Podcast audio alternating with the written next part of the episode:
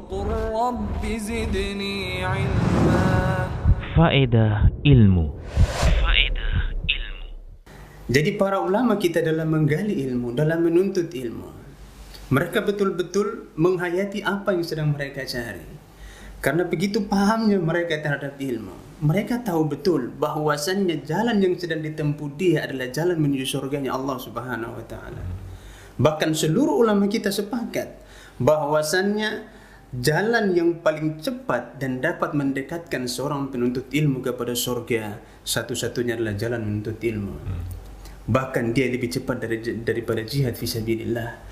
Makanya Nabi kita mengatakan man salaka tariqan yaltamisu fihi ilman sahalallahu lahu bihi tariqan ilal jannah.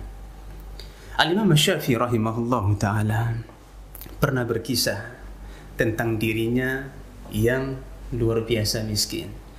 Belum mengatakan ibuku mengantarkan aku kepada kutab. Kutab itu para pengajar di masjid-masjid. Dan ibuku tidak memberikan upah kepada pengajar di masjid.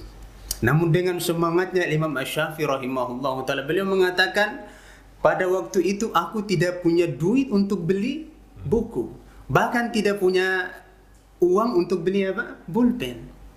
Tapi bagaimana caranya aku aku agar dapat menggali ilmu, mendapatkan faedah ilmu yang banyak? Beliau mengatakan dia kumpul apa? Tulang-tulang yang berwarna putih.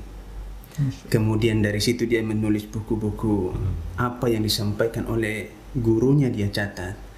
Nanti bayangkan, kita bayangkan saja subhanallah, tulang-tulang itu bukan tulang utuh. Tulangnya patah-patah. Ini kan menunjukkan bagaimana tingginya himmah, semangat Al-Imam Syafi'i untuk menggali ilmu itu sendiri.